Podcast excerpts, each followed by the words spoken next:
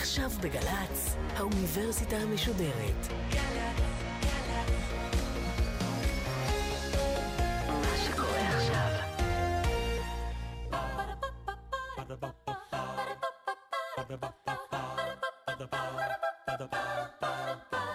האוניברסיטה המשודרת מציגה מסע סביב רעיון, והסמסטר בחירה. והפעם, הפרופסור אווה אילוז מהמרכז לחקר הרציונליות באוניברסיטה העברית על סוציולוגיה ובחירה. עורכת ראשית, מאיה גאייר.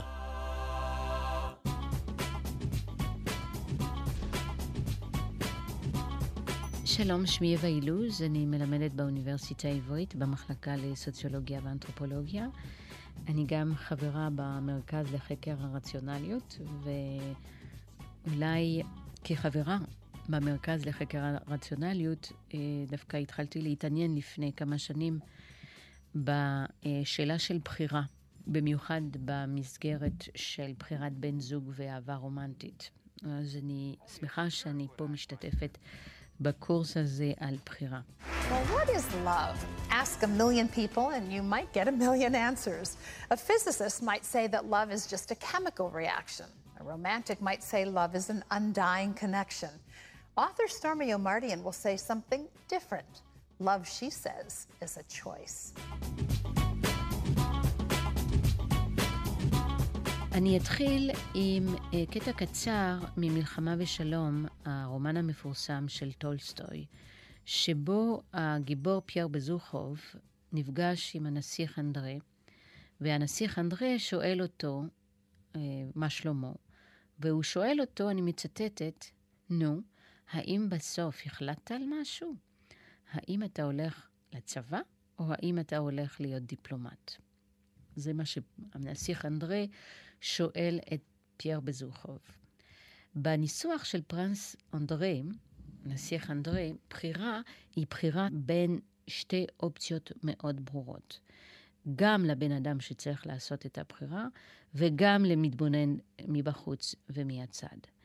כלומר, זהו אקט, אקט הבחירה זהו אקט מאוד ברור שיש לו התחלה וסוף, וזהו אקט שלבחור באופציה אחת זה בהכרח לא לבחור באופציה השנייה.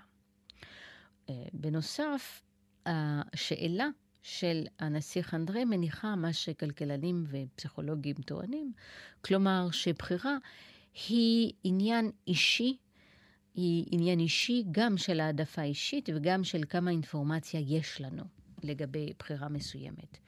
כדי שפייר יבחר את המקצוע שלו, הוא פשוט בעצם צריך להפעיל את היכולת שלו לדעת מה העדפות שלו, ולהבין אם הוא מעדיף את המקצוע של הצבא או המקצוע של הדיפלומטיה. What are you going to do? I don't know. Nothing interests me. All that education abroad and nothing interests you? Well, it's true. Why don't you join the army? Well, I've thought of that, but. הייתי אומרת שמסוף המאה ה-19 סוציולוגים לא מסכימים עם התפיסה הזאת של הפעולה האנושית באופן כללי, ובאופן פרטני עם התפיסה הזאת של מהי בחירה, מכיוון שסוציולוגיה רואה בני אדם כיצורים של הרגל וכיצורים של ציות נורמטיבי. ציות נורמטיבי, כלומר, אנשים שהולכים לפי נורמות חברתיות, ולא כל כך כיצורים של החלטה אה, מושכלת והחלטות אה, אה, מפוקחות. אז לכן מה שאני ארצה לעשות בהרצאה הזאת, זה אולי להעמיק קצת יותר בסיבות שבגללם הסוציולוגים לא מסכימים בתפיסה של בחירה של אה, פסיכולוגים וכלכלנים.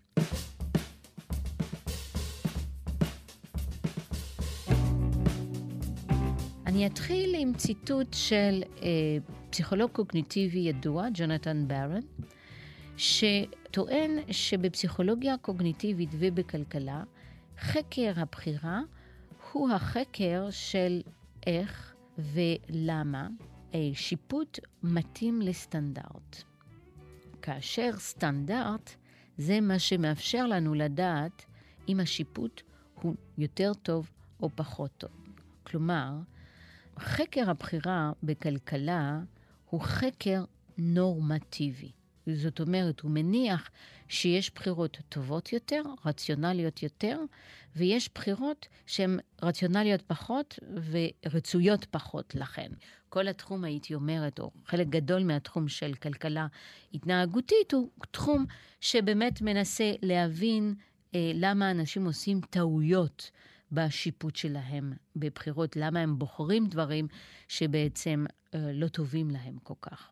וכדי להסביר איך ולמה סוציולוגים אה, שונים מהתפיסה של כלכלנים או של פסיכולוגים, אני רוצה להשתמש בדוגמה אחרת, דוגמה ספרותית אחרת, והיא דוגמה שנמצאת ברומן של אנטוני טרולופ, An Old Man's Love, רומן מצוין, שנכתב ב-1884. והרומן הזה מדבר על אה, ההתלבטות הגדולה שהגיבורה של הרומן, מרי לורי, ההתלבטות שלה בהחלטה האם היא צריכה לקבל את הצעת הנישואים של אה, מיסטר ויטלסטאף, שהוא בן אדם הרבה יותר מבוגר ממנה. ואני רוצה לצטט לכם קטע קצר שהוא דיאלוג פנימי שהיא מנהלת עם עצמה. ואז היא אמרה לעצמה שהוא היה מלא תכונות טובות, ושהוא היה שונה מגברים מבוגרים אחרים. וכמה דברים היא הייתה יכולה לאהוב וללמוד לאהוב באיש הזה. וגם הוא היה איש שבשום צורה היא לא הייתה צריכה להתבייש בו. הוא היה ג'נטלמן, הוא היה נעים להסתכל עליו, הוא היה מתוק בצורה שבה הוא התייחס אליה. הוא היה נקי והוא היה נאה במראה שלו. האם העולם לא היה אומר עליה שהיא ברת מזל, שהיא בעצם נבחרה על ידי מיסטר ווילסטאף? אחרי שעה של התלבטות וחשיבה, היא חשבה שהיא תתחתן עם מיסטר ויטלסטאף. הדיאלוג הפנימי הזה נותן לנו איזו הצצה קטנה בסגנון הרגשי והנפשי של אישה צעירה מהמאה ה-19, אה, ובמיוחד בצורה שבה היא צריכה להחליט החלטה גורלית, שהיא החלטה של נישואים. תשימו לב שמרי לורי לא מאוהבת במיסטר ויטלסטאף, אבל היא מחבבת אותו. ובגלל שהיא נטולת רגשות סוערים, אז היא חושבת על מספר נימוקים ומספר סיבות שבגללם היא יכולה לבחור בו. והנימוק המרכזי בעצם שהיא מוצאת כדי לבחור בו, הנימוק המרכזי שהיא נותנת לעצמה, הוא מה העולם היה אומר אם היא תהפוך להיות אשתו. כלומר, הרגשות עצמם של חיבה, שמרי מרגישה כלפיו, הרגשות האלה הם קשורים בצורה מאוד אה, אדוקה למה שהיא חושבת שהעולם חושב עליו, ומה שהיא חושבת שהעולם יחשוב על הבחירה שלה אם היא תבחר בו כבעל. זאת אומרת שהמחשבה שלה או הבחירה שלה, ההחלטה שלה להתחתן איתו, הם שזורים היטב עם תסריטים חברתיים של מהו גבר טוב, ג'נטלמן, מה הם אה, נורמות של נישואים בשביל אישה צעירה, להיות נשואה, ולהיות נשואה לבן אדם עם מעמד חברתי טוב, ומה הם הקונבנציות של אה, נשיות. המשפט הזה, המשפט הזה, הוא לא אחד שהיא הייתה יכולה להתבייש בו לפני העולם, והאם העולם לא יגיד עליה שהיא ברת מזל, זה משפט שהוא קריטי בשביל סוציולוגים כדי להבין את ההחלטה שלה. למרות שההחלטה שלה נראית לכאורה פרטית, כלומר, היא לא רק פרטית במובן הזה שההחלטה הזאת היא נוגעת אה, בעיקר לחיים שלה ואולי שלו, והיא גם מתנהלת רק בינה לבין עצמה בתוך איזשהו אה, אה, אה, מונולוג פרטי, אנחנו, למרות מה שנראה כהחלטה פרטית, זה ברור לנו שההחלטה שלה נובעת מרעיונות, למעשה רעיונות קולקטיביים לחלוטין, חברתיים לחלוטין, לגבי החשיבות של נישואים בשביל אישה. היא נובעת גם מהעובדה שבשביל אישה במאה ה-19 שלא יכולה ללכת לעבוד, לא יכולה ללכת לשוק העבודה, אז נישואים הם האפיק הכמעט היחידי שיש לבחורה יתומה להיות בעלת הון כלכלי.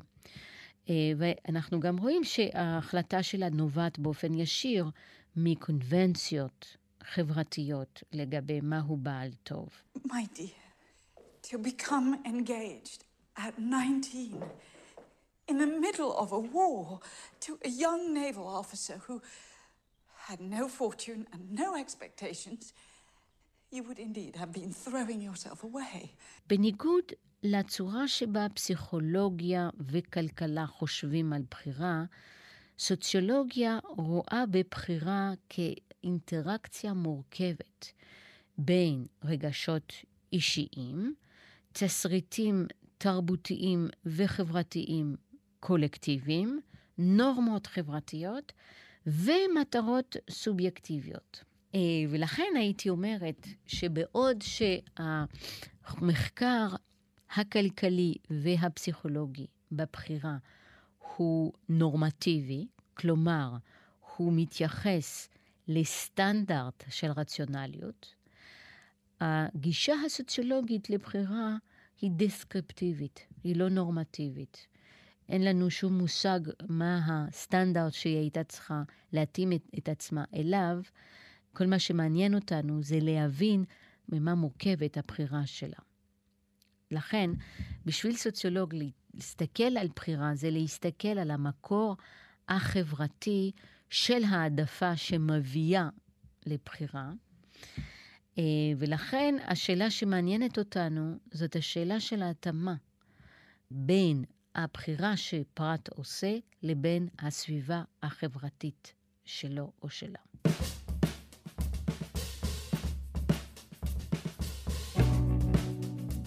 אז אני אסכם את הנקודה הראשונה שלי.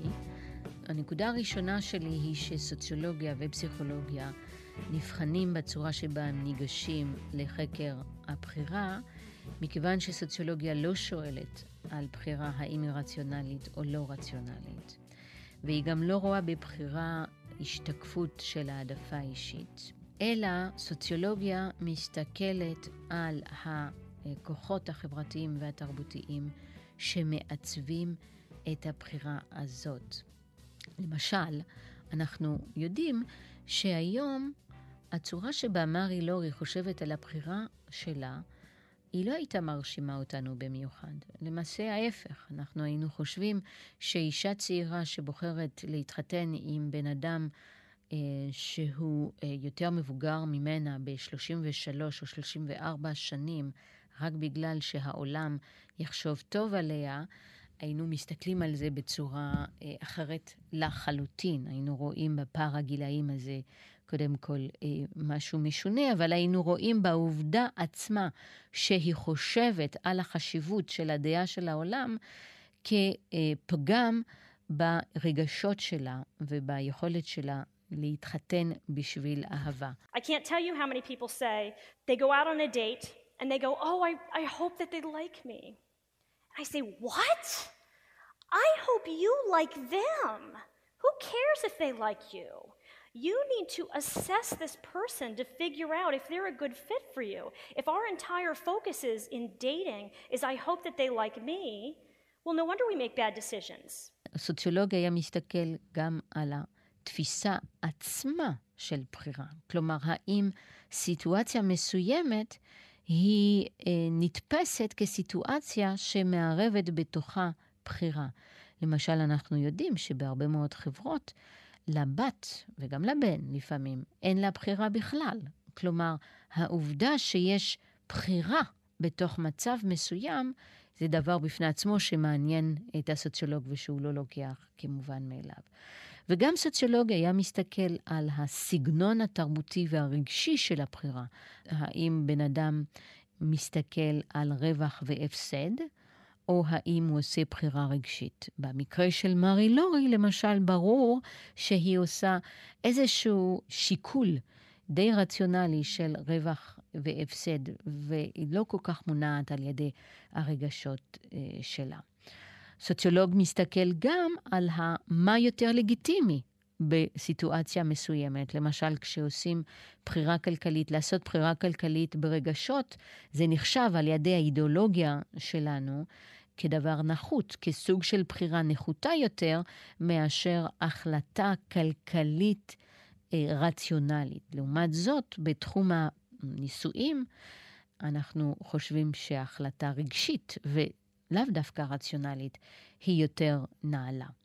ואולי הדבר האחרון שסוציולוגיה מסתכלת עליו, זה על הגורמים שמשפיעים על המהירות ועל העוצמה של המחויבות של הבן אדם שעושה את הבחירה. למשל, העובדה שמרי לורי היא יתומה, כלומר אין לה משפחה שיכולה לתמוך בה, זה בוודאי משהו שמסביר את המהירות, אנחנו יודעים שתוך שעה היא החליטה, את המהירות שאיתה היא החליטה לעשות את ההחלטה הזאת. כלומר, הסיבה שבגללה היא החליטה, זה לא רק בגלל שהיא בעצמה בן אדם מהיר, אלא בגלל שהיא יודעת שהיא נמצאת בעמדה חברתית שמאלצת אותה לעשות את ההחלטה הזאת מהר. אז בעצם אני פה התחלתי, מקווה, לסבר את האוזן שלכם לצורה שבה המונולוג הקצר הזה נותן לנו הצצה קצרה לגבי הצורה שבה הסוציולוגיה הייתה מסתכלת על הדיאלוג הפנימי הזה שבן אדם מנהל עם עצמו לגבי איך להגיע להחלטה להתחתן עם מישהו אחר.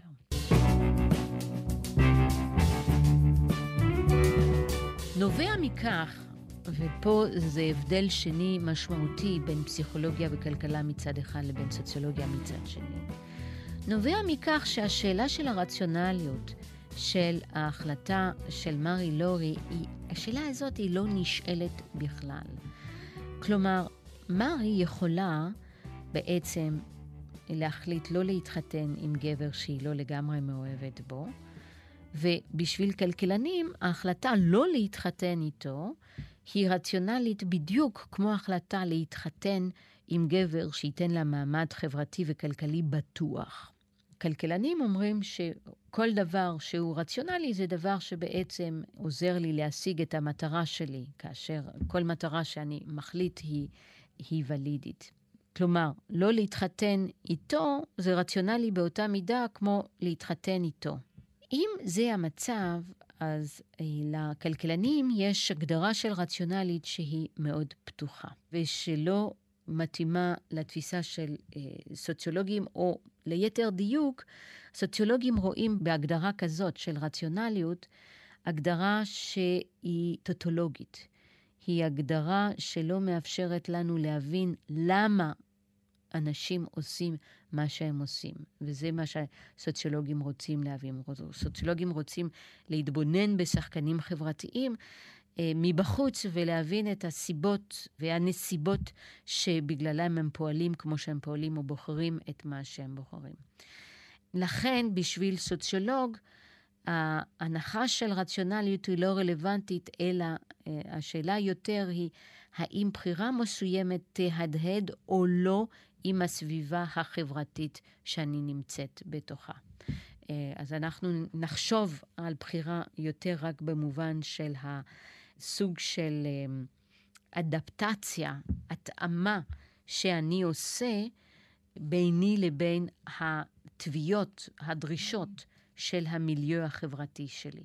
השאלה אם הבחירה שלי היא רציונלית או לא רציונלית לא נשאלת. כי ברגע שבחירה היא אדפטיבית למיליו שלי, אז זה כל מה שמעניין אותנו. מה שהופך בחירה לרציונלית, זה מה שכלכלנים אומרים לנו, זה היכולת שלי לדרג את העדפות שלי, והיכולת שלי להתנהל בצורה טרנזיטיבית. כלומר, אם אני מעדיף A ל-B, ואני מעדיף את B ל-C, אני צריך להיות מסוגל להעדיף את A ל-C. וכך גם אני יכול לשפוט אם בחירה היא רציונלית או לא. עוד פעם, הסוציולוגים מתעניינים במשהו קצת אחר. הסוציולוגים מסתכלים על בני אדם כבני אדם שחיים בסביבה של ערכים, ובסביבה של ערכים, הרבה מאוד מהערכים האלה, הם לא ניתנים לדירוג והם לא ניתנים להאמרה. כלומר, האם אני צריך לבחור בין המשפחה שלי לבין הקריירה שלי, או לבין המשפחה שלי, או לבין המאהבת שלי, הרבה פעמים אנחנו נמצאים במצב שלא ניתן בעצם לדרג, כי כל אחד מהדברים האלה מסמן עבורנו משהו שהוא מאוד חשוב, ושאנחנו לא רק לא מסוגלים לדרג, אלא גם לא רוצים לדרג. או לא רק לא רוצים לדרג, אלא גם לא מסוגלים לדרג. אפילו אם היינו רוצים, לא היינו בדיוק יודעים איך לדרג את העדפות האלה. לכן, בחירה בעולם טבעי היא לא אה, מתנהלת לפי המודל של כלכלנים של טרנזיטיביות. I had two guys. One was caring, loving, and then there was another guy who was humble and reserved, but he was not so romantic. And so I was actually confused as to who to go in for. ואני אולי אציין הבדל אחרון, למרות שאני אה, הייתי יכולה לציין עוד כמה וכמה הבדלים. וזה זה שבשביל סוציולוגים, במיוחד סוציולוג של הרגשות ושל התרבות כמוני, הייתי אומרת שרגש הוא נתפס כבלתי נמנע לכל תהליך של בחירה. כלומר, אין מושג בסוציולוגיה של העדפה שהוא לא כולל בתוכו העדפה שהיא קשורה לאיזשהו רגש שאני רכשתי כתוצאה מהעובדה שהעדפה שלי קשורה לעולם של ערכים, לעולם של טוב ורע, לעולם של דימויים. למעשה, אם אתם חושבים על זה, כדי לעשות החלטה בלי רגשות, צריך ממש להתאמץ בשביל זה. צריך לא רק להתאמץ, צריך הרבה פעמים לפנות למומחה שיעזור לנו לנסח החלטה בצורה לגמרי שקולה ולגמרי נטולת רגשות. אז היכולת להחליט ללא רגשות היא יכולת לחלוטין לא מתאימה לצורה הטבעית שבה אנשים מקבלים החלטה. אז סוציולוגים נבדלים מפסיכולוגיה וכלכלה בתפיסה שלהם של בחירה, מכיוון שהם רואים, הם מתעניינים בצורה שבה אנחנו חושבים על העדפה, מתעניינים בסביבה החברתית שמעצבת את הבחירה, מתעניינים בצורה שבה הבחירה משקפת את האדפטציה, היא בעצם סוג של אדפטציה לסביבה החברתית. ולבסוף הייתי אומרת שסוציולוגיה רואה בבחירה לעתים נדירות כתהליך של שיקול דעת רציונלי, ומתעניינת באלמנטים, במרכיבים הלא רציונליים והרגשיים של הבחירה שנובעים ממערכת מוסרית, ערכית ומערכת של דימויים.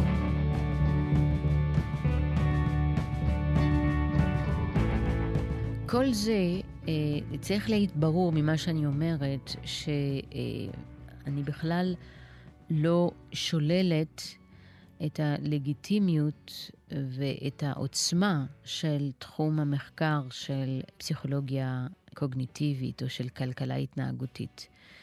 אלא המטרה שלי בהרצאה הזאת הייתה להבהיר שבגלל שיש לסוציולוגים הנחות שונות, אז הם מסתכלים על בחירה בצורה שונה.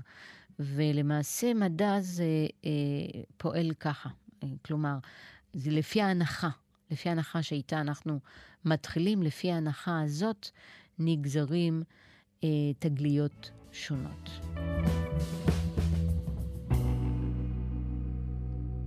אה, לסיום אני רוצה לתת לכם דוגמה, אם אנחנו בתחום של נישואים ואהבה, דוגמה של איך סוציולוגיה היה מסתכל על מושג הבחירה בתחום האהבה. אני אשתמש בשתי מונחים שטבעתי אותם. אחד זה אקולוגיה של בחירה בתחום האהבה, והשני זה ארכיטקטורה של בחירה. אקולוגיה של בחירה, המושג הזה בא לשקף את העובדה שאנחנו בוחרים בתוך סביבה חברתית שמכתיבה כללים.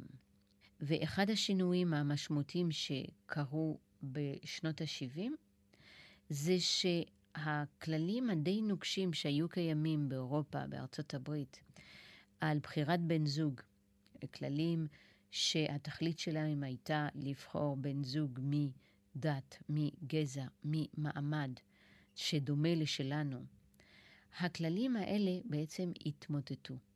מה שקרה אז זה שינוי מאוד משמעותי בתהליך הבחירה.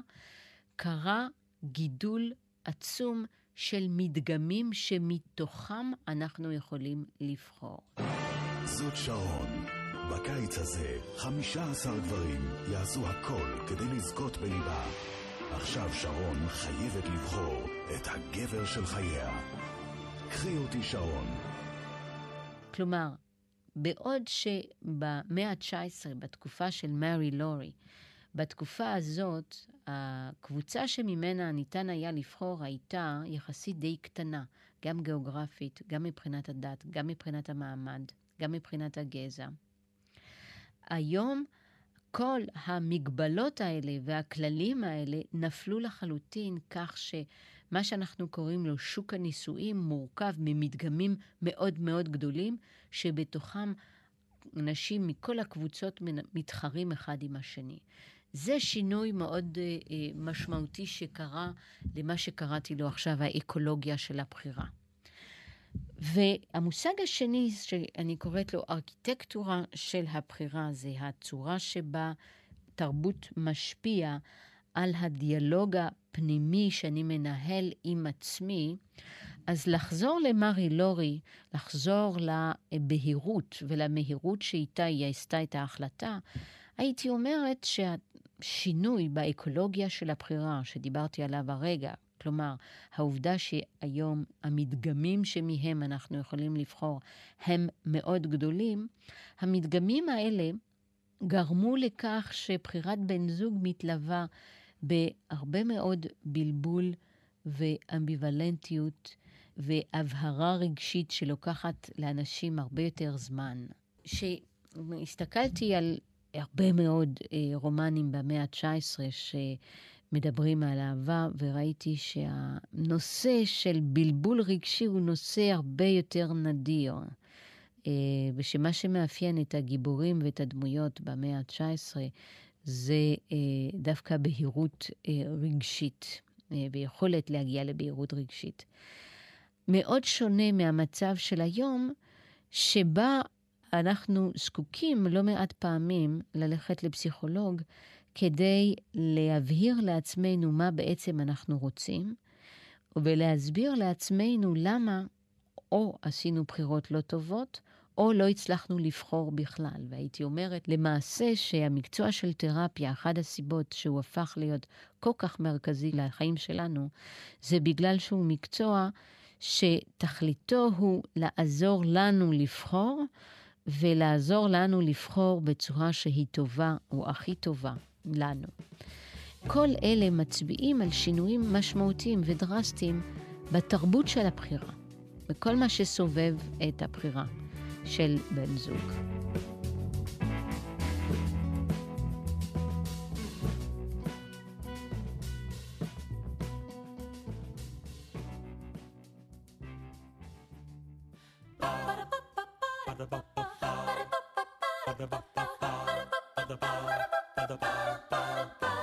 האוניברסיטה המשודרת, מסע סביב רעיון. הפרופסור אווה אילוז מהמרכז לחקר הרציונליות באוניברסיטה העברית, על סוציולוגיה ובחירה. עורכת ראשית, מאיה גאייר. עורכת ומפיקה, דרור שדות. ביצוע טכני, מיכאל בקלור. מפיקה ראשית, אביגיל קוש. מנהלת תוכן, מאיה להט קרמן. האוניברסיטה המשודרת בכל זמן שתרצו, באתר וביישומון של גל"צ, וגם בדף הפייסבוק של האוניברסיטה המשודרת.